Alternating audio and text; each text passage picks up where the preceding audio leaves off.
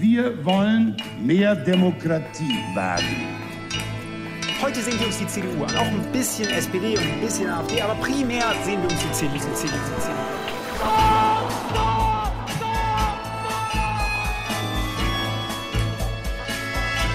Niemand hat die Absicht, eine Mauer zu errichten. Ich weiß, ich habe heute Morgen in den Spiegel geguckt und dachte, wer ist denn die Hotte Bitch? Werden schon in wenigen Jahren blühende Landschaften, blühende Landschaften geworden sein. Früher waren wir Lametta. Wir haben so vieles geschafft, wir schaffen das. Hei og velkommen til Tyskerne, episode 131. Den første i 2023. I studio Kai Schwind. og Ingrid Brekke. I dag skal vi snakke om to konflikter, en fra kulturlivet og en fra politikken. Til slutt kommer Kai med en ganske spesiell Best siden sist. Men aller først må vi selvfølgelig ønske alle våre kjære lyttere et riktig godt nytt år. Ja, det må vi. En frohes neues ja, euch allen. Hva gjorde du da, Kai? Ja, jeg var jo en tur hjemme i Frankfurt i jula. En hel uke, faktisk. Jeg fikk henge litt med familien der, som var veldig hyggelig. Og fikk oppleve det fine, varme julevær. Ja. det var 15 grader og regn uh, iblant, så det var litt rart. Men så uh, dro jeg tilbake, og så uh, tilbrakte jeg nyttårsaften i dine hjemmetrakter i Trøndelag. eh, I Vardal, eh, hos familien til min samboer. Og da var det litt sånn motsatt. Da var det iskaldt og snø og stille og rolig og gå masse turer og sånn. Så jeg kom meg godt inn i 2023, vil jeg si. Bra. Og du da, hva gjorde du på sylvester, som vi sier? Jo, um, jeg hadde det også veldig stille og rolig. Jeg var på øya Koster, som er svensk og ligger da utafor Strømstad, Ja. med noen venner. Og det var utrolig hyggelig. Eh, og det er noe med å ha litt tid til å være sammen med folk, som man kanskje ikke alltid har. Og det var veldig langt unna nyttårsraketta, da. Ja, ok, det er fint. Og da har vi kanskje allerede veien inn i eh, første tema her. Apropos eh, fyrverkeri. Eh, en som opplevde masse fyrverkeri, er forsvarsminister Kristine Lamprecht. Hun har nemlig fått massiv kritikk for en video hun la ut på nyttårsaften. Hva var det som skjedde der? Og det er en utrolig eh, rar eh, video. Altså Lambrecht står da på gata i Berlin, og fyrverkeriet smeller og bråker i bakgrunnen, så man hører jo knapt hva hun sier. Her kan dere høre et klipp eh, eh, som viser eh, eh, grumset. Was war das für ein Jahr, dieses Jahr 2022? Das hat uns vor unglaubliche Herausforderungen gestellt. Mitten in Europa tobt ein Krieg.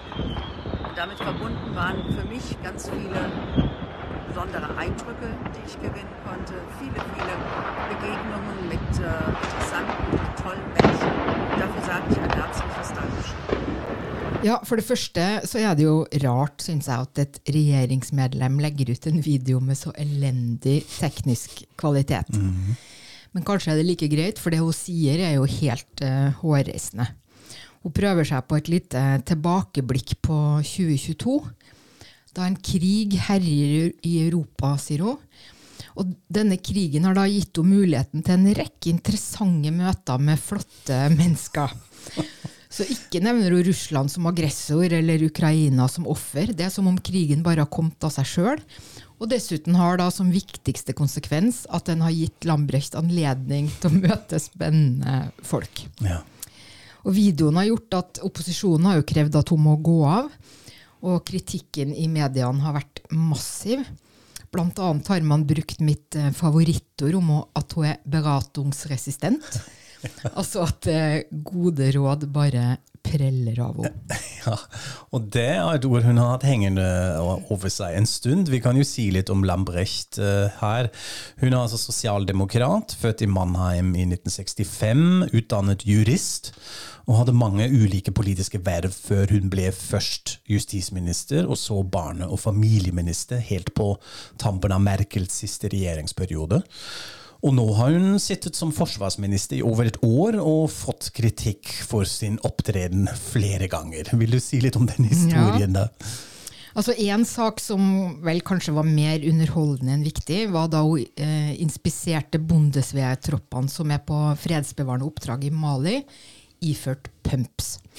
Og ikke sånne hverdagspumps med lang hæl, men ordentlig høyhæla sko. Sånne drag queen Ja, nesten, nesten det. Ja. Og de spaserte da rundt i midt blant uniformer og kamuflasjejakker og boots. Det var akkurat som en markering av at hun virkelig ikke tilhørte denne gjengen. Og det er jo tvert det motsatte av hva en forsvarsminister egentlig eh, burde ønske å vise frem. da. Den andre skandalen, det er vel egentlig en skandale i anførselstegn, eh, var at hun tok med sin eh, voksne sønn eh, i et regjeringsfly. Det ble kjent fordi sønnen da la det ut på Instagram, som tydeligvis er en svøpe da, for Lambrecht. Eh, det er eh, selvfølgelig strenge regler for hvordan et regjeringsfly kan brukes. Men det viste seg eh, at dette var storm i vannglass fordi han bare satt på eh, dit flyet uansett skulle, og at hun hadde også betalt for han. Men det er litt sånn som uansett hefter ved eh, politikere. På den mer alvorlige sida så fikk hun massiv kritikk fordi hun fremsto veldig stolt da Tyskland leverte 5000 hjelmer til Ukraina ganske tidlig i krigen. Som om det var en innsats store Tyskland eh, burde skryte av. Og også at hun har vært veldig treig når det gjaldt å få på plass de våpnene og den hjelpa som Tyskland eh, lova Ukraina. Mm. Og hva skjer nå? Må hun gå av etter denne videoen, eller hva skjer? Nei. Eh, hun har jo Hun er kanslerens eget valg til denne posisjonen. De er jo begge sosialdemokrater, og Scholz har vært ute nettopp nå og sagt at hun selvfølgelig har hans fulle tillit. Og sjøl har hun jo forklart eh, fadesen med at dette var en privat video, noe som selvfølgelig ikke holder når man sitter i regjering og har en åpen Instagram-konto. Hvis man ellers skal si noe formildende om Lambrecht, så er det jo at forsvarsminister kanskje er den vanskeligste jobben av alle i regjeringa. Det er jo en lang tråd tilbake om forsvarsministre som har måttet ha gått av og fått masse eh, Ja. kritikk. Ursula von der Leyen, Gutenberg, ikke sant? Det ja. er en Ja. sånn, ja. Mm. Men nettopp derfor da, så kan man jo undre seg over at uh, Scholz ga denne posisjonen til en som nærmest koketterte med at hun ikke kunne noe om uh, feltet på forhånd. Og Uansett så har jo denne videoen virkelig skada både hun og regjeringa i inn- og utland. For den gir et inntrykk av en minister som verken tar sin egen jobb eller krigen på alvor. Og det er jo ikke akkurat det Tyskland trenger nå, da. Vi legger ut eh, videoen på Facebook, så kan dere jo se sjøl. Og da, Kai, da går vi over til dagens andre konflikt, og den er fra kulturlivet. Fortell. Ja, det skal jeg gjøre. Eh, musiker Peter Fox har nemlig havnet i en diskusjon om kulturell appropriasjon, som det heter, i forbindelse med sin nye låt 'Zukunft Pink', altså Pink fremtid. Ja, jeg er dum nå, da, som aldri har hørt om Peter Fox? Nei, det er ikke dum deg, Ingrid. Bare kanskje- litt kunnskapsløs? Kanskje det, men ja, du er jo kanskje ikke den eneste som ikke har uh, hørt om han, så vi må kanskje si litt om Peter Fox først. Fox er en tysk uh, hiphop-artist, hiphop-dancehall egentlig. Han er også medlem av bandet Seed, som kanskje noen av lytterne våre har hørt om. Han synger på tysk, og i 2009 ga han ut sitt første soloalbum uh, under navnet Peter Fox, som var en stor suksess. Fantastisk tittel på det albumet òg. Stadtaffe. Byape. eh, het albumet, og der finner vi også en av mine absolutte favorittlåter eh, av Peter Fox, nemlig 'Haus am See'. Og den syns jeg må vi høre litt på, fordi den er så fin. Und am Ende der Straße steht ein Haus am See. Orangenbaumblätter liegen auf dem Weg. Ich hab 20 Kinder, meine Frau ist schön. Mm, alle kommen vorbei, ich brauch nie rauszugehen.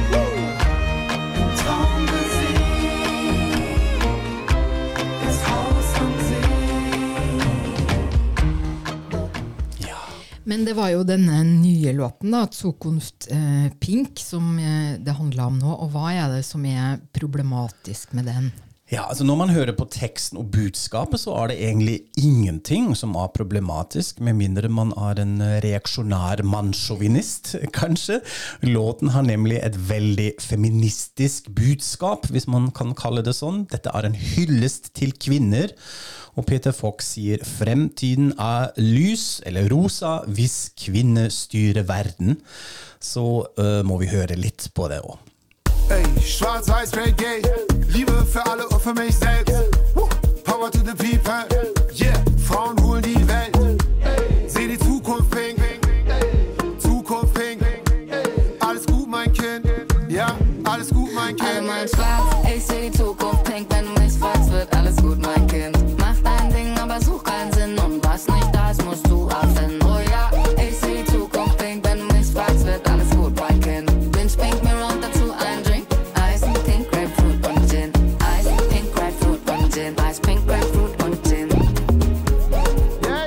Jeg må jo bare si da at jeg tror ikke et sekund på at verden hadde vært så mye bedre hvis kvinner hadde styrt.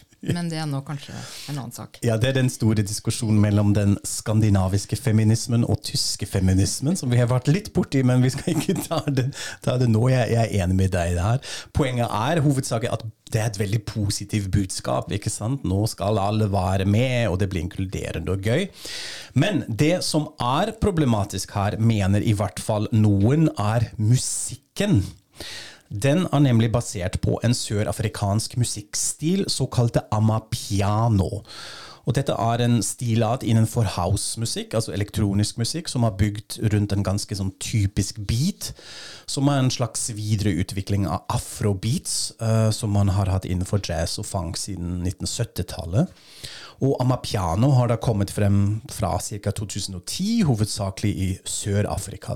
Og denne grunnbiten som vi hører her nå, og egentlig hele strukturen til låten Zukunft Pink, også vokalen, er produsert i samme stilen og har samme estetikken. Så det er det Peter Fox får kritikk for, at han har tatt i bruk eh, denne spesifikke stilen? Ja, sånn kan man si det på en måte. Kritikken som kom fra bl.a. en del journalister og også andre musikere med migrasjonsbakgrunn, er at låten til Peter Fox representerer igjen en sånn, mener de, typisk europeisk, veldig arrogant holdning, hvor man da ser på verden som en sånn stor basar, som en mente, hvor man bare kan plukke fra ulike elementer, aspekter eller uttrykk fra andre kulturer man har lyst på, gjør de til sin egen, ofte uten å kreditere kildene eller informere seg noe særlig om den opprinnelige kulturelle identiteten bak det. Og så tjener man ikke bare veldig mye penger med det, men man fremstår også som åpen, tolerant, kosmopolitisk og inkluderende, uten at man egentlig er det. Og det mener kritikere er også det som er problematisk med Peter Fox-låten her, at han bare bruker estetikken, men ikke anerkjenner kulturen bak det, noe man kunne f.eks. ha nevnt i selveste teksten, eller hadde hatt med sørafrikanske musikere eller noe sånt, mener da spesielt én journalist. Men har, eh, har han svart på det sjøl, da, Peter Fox? Ja, det har han, og det er det som gjør akkurat denne debatten her litt interessant, fordi den foregår på en ganske sivilisert og konstruktiv måte, syns jeg. Dette er ikke sånn kommentarfeltskriking i sosiale medier.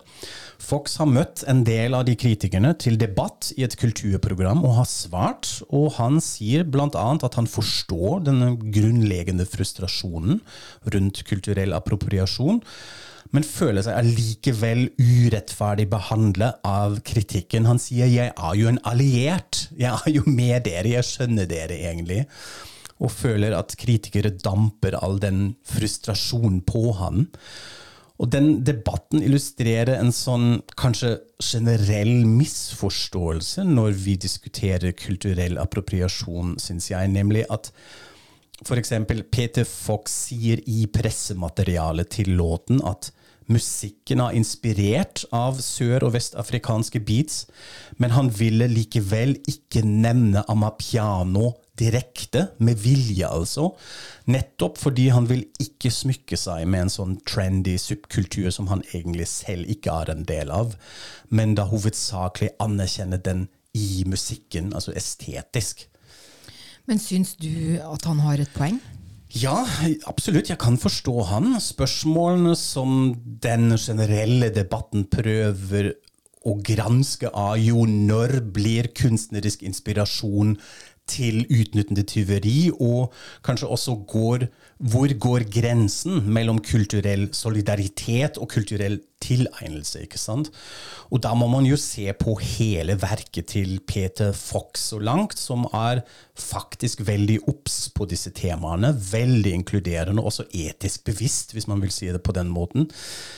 Men samtidig så skjønner jeg også noen av motargumentene, som f.eks. sier at eh, ja, det er fint at han er inkluderende og gjenbruker andre kulturuttrykk med gode intensjoner, men at det likevel ligger en skeiv maktbalanse til bunns. ikke sant? Kolonialismen og utnyttelse skinner alltid gjennom, uansett hva dere mener. Men det betyr altså at uh, f.eks. at europeiske artister kan frata musikere fra andre deler av verden en nisje der de mm -hmm. ellers kunne tjent mer penger. Ja, Sånn forstår jeg det argumentet òg, at det alltid er et økonomisk perspektiv òg. Noen taper på, fordi en annen tjener. Og så er det muligens også spesielt komplisert innenfor musikk. Altså da Spesielt denne delen av elektronisk musikk, hvor house og hiphop eh, flyter inn i hverandre. Hvis vi bare ser på hiphop, som alltid har vært basert på en type resikulering. ikke sant? Altså Denne samplingkulturen hvor man da tar klips fra gamle funk- og soul-plater fra 60- og 70-tallet, og setter de i en ny kontekst. Funk og soul selv, som er basert på jazz, som kan spores tilbake til ulike afrikanske musikkuttrykk som kom til USA via slavene, og senere til Europa. Så alle inspirerer hverandre på en måte, men selvfølgelig må man ha en bevissthet om kildene, om røttene, hvor ting kommer fra, og hva de representerer.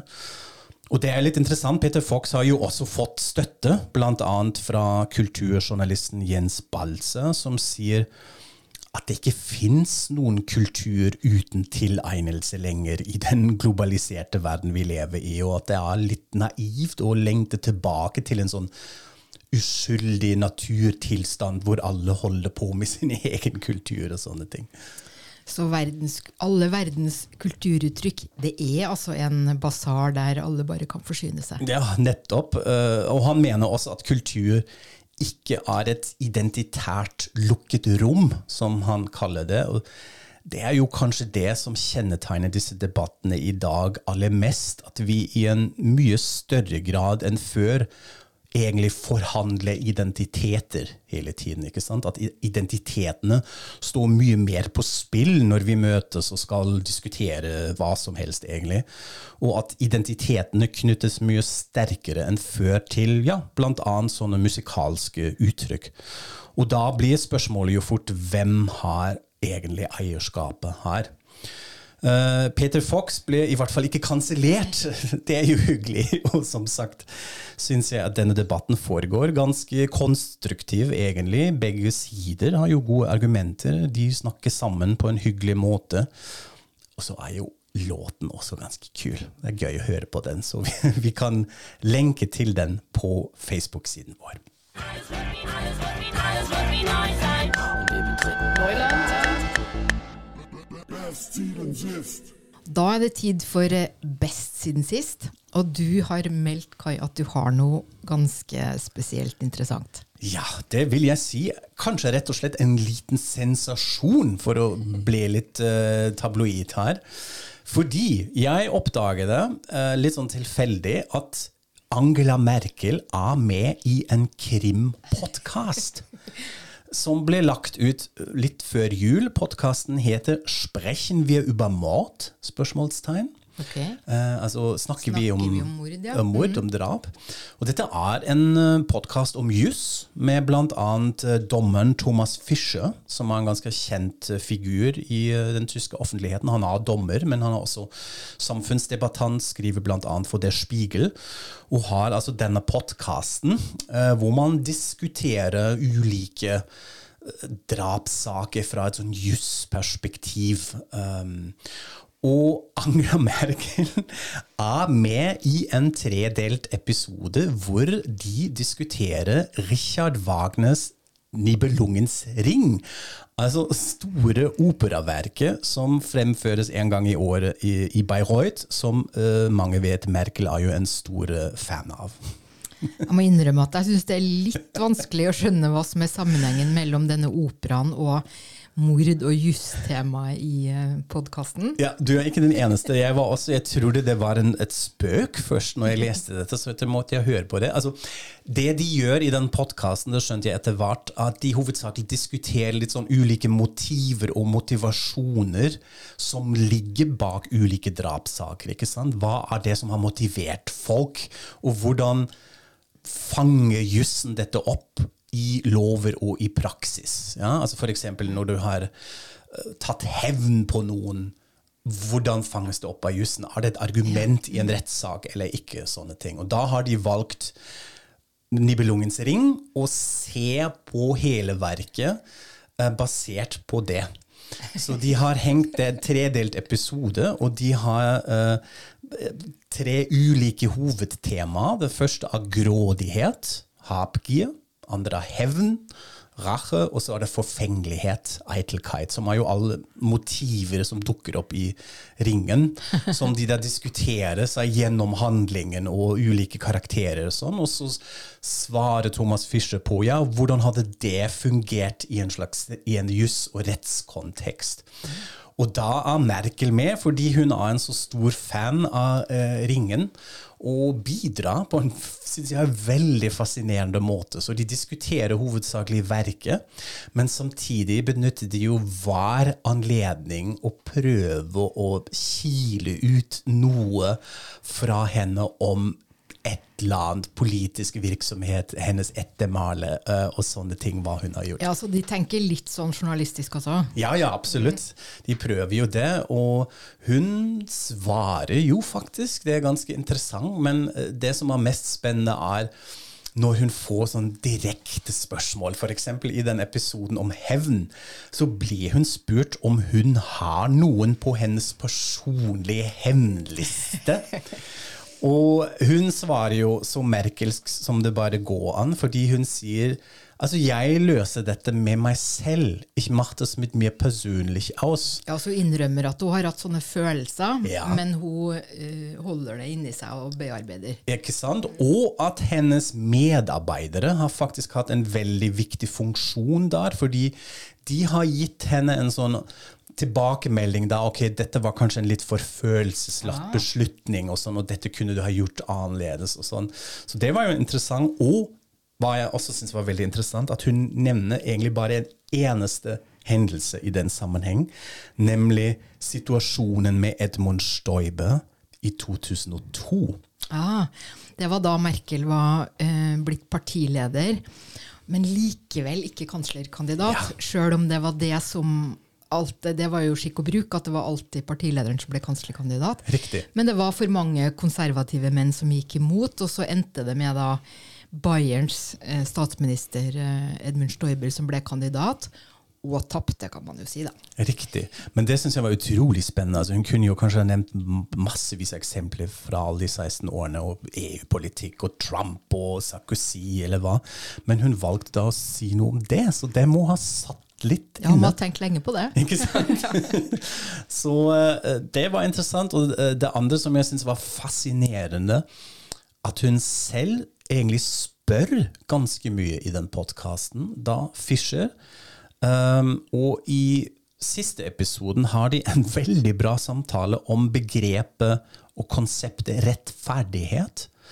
Ikke sant? Hvor hun da mener dette er egentlig noe vi burde snakke om litt mer i samfunnet. Hvordan da jussen ofte ikke klarer å fange opp eller svaret til en sånn rettferdighetsønske som man ofte har fra ofrenes siden, hvor hun mener det er egentlig ikke en slags moralsk, etisk oppgave nødvendigvis alltid gjennom alle instanser å oppfylle den rettferdigheten. Uh, og hun spør deg hva kan egentlig domstoler få til? ikke sant? Og da nevner hun også en sånn hendelse, nemlig selveste NSU-saken. Ja. ja. NSO det var jo denne trioen med høyreekstremister som drepte ti mennesker over uh, flere år. Og to tok livet av seg, og så ble det en rettssak Ja. som varte i mange år mot Beate Zschäpe, som da eh, selvfølgelig ble, ble dømt til, til slutt. Men det var en sak som prega tysk debatt i årevis. Ja, og Vi har jo også snakket om den i podkasten her, men det syns jeg var ganske interessant. Da sier jo Merkel at hun led med ofrene, og mente jussen egentlig ikke klarte å gi dem rettferdighet. Um, så da blir det ganske følelsesladd, syns jeg også. Så dette her er en kjempespennende lytting. Uh, hvis man snakker tysk, da, eh, tre episoder, uh, og man får et sånn nytt og litt annerledes inntrykk av Merkel som privatperson, selv om hun er sitt gode gamle selv også. Anbefales. Ja, og har jo, hadde jo kanskje lyst å- eller har kanskje lyst til å markere seg mer som en intellektuell, da. Mhm. Etter alle disse årene hvor hun har drevet med enkle og gjentagende politiske budskap til folket. Ja, det, det er sikkert sant, og så er det veldig morsomt, fordi det ser ut som journalistene selv er litt sånn i sjokk at hun faktisk er med. Det er det de åpner podkasten med, med spørsmålet 'Hvorfor er de egentlig med, fra Merkel?' Og så tar hun en liten pause, og så sier hun 'Fordi dere spurte meg'. så også veldig Merkel Åh, ja. svar. Ja, kanskje vi jo bare skal spørre, da, Kai? Ja, ikke sant? Med den berusende tanken så er årets første episode over. Tusen takk til dere som støtter oss på Patron, både gamle og nye. Følg oss videre på Facebook og Instagram, og vi håper selvfølgelig på enda flere lyttere i 2023. Snakk om oss til venner, og del episoder i sosiale medier. Auf Wiederhören! Auf Wiederhören!